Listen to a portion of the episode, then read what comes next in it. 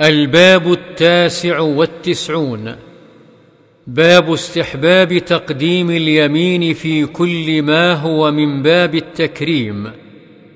كالوضوء والغسل والتيمم ولبس الثوب والنعل والخف والسراويل ودخول المسجد والسواك والاكتحال وتقليم الأظفار وقص الشارب ونتف الإبط وحلق الرأس والسلام من الصلاة والأكل والشرب والمصافحة واستلام الحجر الأسود والخروج من الخلاء والأخذ والعطاء وغير ذلك مما هو في معناه ويستحب تقديم اليسار في ضد ذلك كالامتخاط والبصاق عن اليسار ودخول الخلاء والخروج من المسجد وخلع الخف والنعل والسراويل والثوب والاستنجاء وفعل المستقذرات وأشباه ذلك.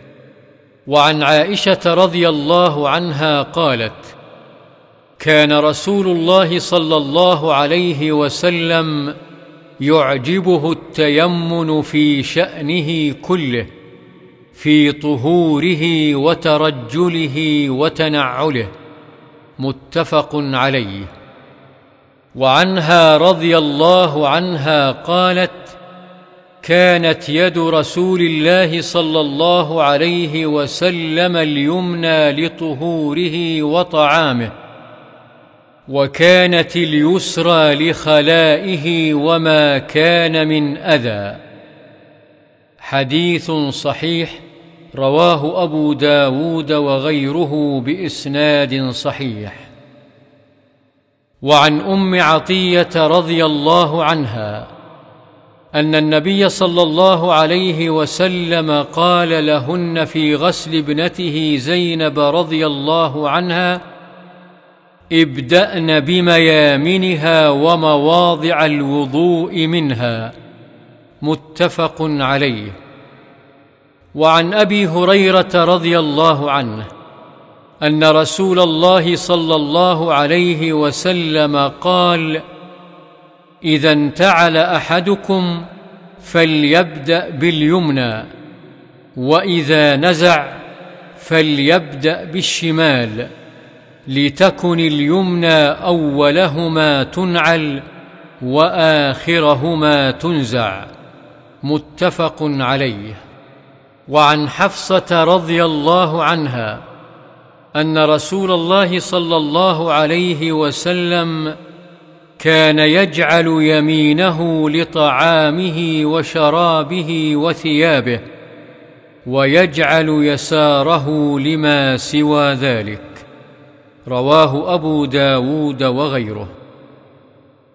وعن أبي هريرة رضي الله عنه أن رسول الله صلى الله عليه وسلم قال إذا لبستم وإذا توضأتم فابدأوا بأيامنكم. حديث صحيح. رواه أبو داود والترمذي بإسناد صحيح. وعن أنس رضي الله عنه أن رسول الله صلى الله عليه وسلم أتى منى فأتى الجمرة فرماها ثم أتى منزله بمنى ونحر ثم قال للحلاق خذ وأشار إلى جانبه الأيمن ثم الأيسر ثم جعل يعطيه الناس متفق عليه.